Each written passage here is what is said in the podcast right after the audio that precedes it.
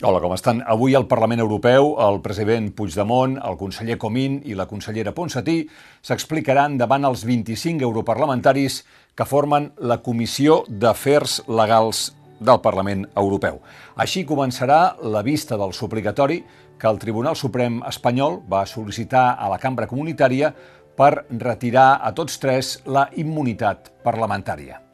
Cal que se sàpiga que la comissió en qüestió estarà presidida per un eurodiputat ultradretà búlgar, Àngel Zambaski, que ha participat en actes de Vox on s'ha cridat Puigdemont a prisió. Justament el suplicatori va d'això, d'enviar Puigdemont, Comín i Ponsatí a la presó. No va de demanar permís perquè els processin perquè de processats ja n'estan. La justícia belga ja els ha processat. De fet, l'euroordre de detenció està viva, està als jutjats. No està rebutjada, només està suspesa. Però clar, la justícia belga el que diu és que el grup de les Nacions Unides contra les datacions arbitràries tenia raó. Els polítics catalans se'ls va detenir i jutjar arbitràriament. Per això, entre altres coses, fa uns dies, el jutge del Tribunal d'Apel·lació de Brussel·les no va concedir l'extradició de l'exconseller de Cultura Lluís Puig, argumentant, entre d'altres raons, que en cas de ser jutjat per la justícia espanyola correria un risc seriós que se li violés la presumpció d'innocència, afirmació que hauria d'avergonyir el Tribunal Suprem espanyol.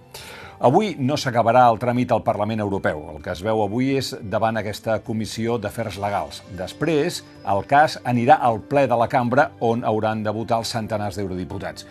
I veurem, eh, entre d'altres coses, què votaran els eurodiputats socialistes espanyols.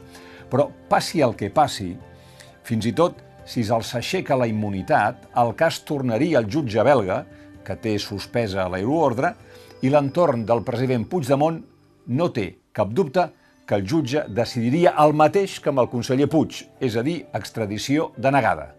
I ni el president ni els consellers es mourien de Bèlgica. El recorregut final d'aquesta persecució seria zero, va dir el president eh, Puigdemont no fa gaire.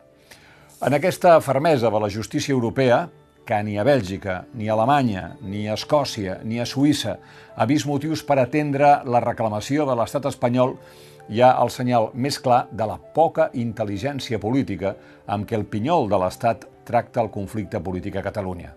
El que passarà amb el suplicatori ho tornarà a posar en evidència. El nostre reconeixement pels que treballen a primera línia, un record pels que pateixen, pels presos polítics, pels exiliats i que tinguem un bon dia.